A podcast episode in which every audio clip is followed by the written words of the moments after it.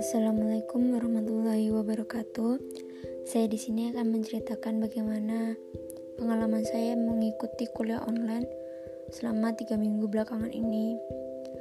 Dari pertama saya mendengar perkuliahan online, di pikiran saya, ya itu mungkin menyenangkan sekali karena bisa dibilang itu libur dan kita bisa rebahan di rumah.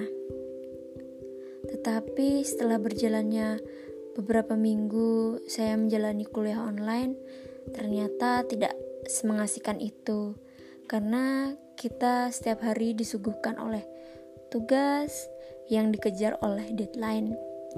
Ya, itu sangat menjenuhkan karena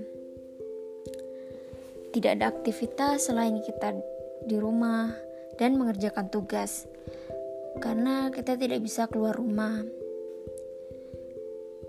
Kita tidak bisa keluar rumah karena disebabkan oleh adanya virus corona yang sudah berada di Indonesia. Bahkan di Solo pun sudah ada. Jadi semua mahasiswa akademika di Universitas Muhammadiyah Surakarta diberlakukan aktivitasnya secara online. Ya, termasuk mahasiswa.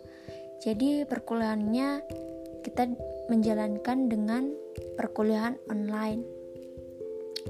Tetapi setelah menjalankan sangat tidak mengasihkan.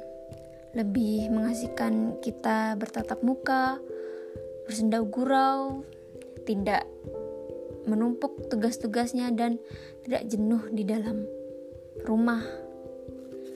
Hmm, begitu saja pengalaman saya mengenai perkuliahan online selama tiga minggu belakangan ini. Semoga aktivitas kita kembali pulih, semoga wabah corona usai dan pemerintah bisa menanggulangi virus ini dan kita bisa beraktivitas di luar rumah kembali bersama orang-orang yang kita rindukan.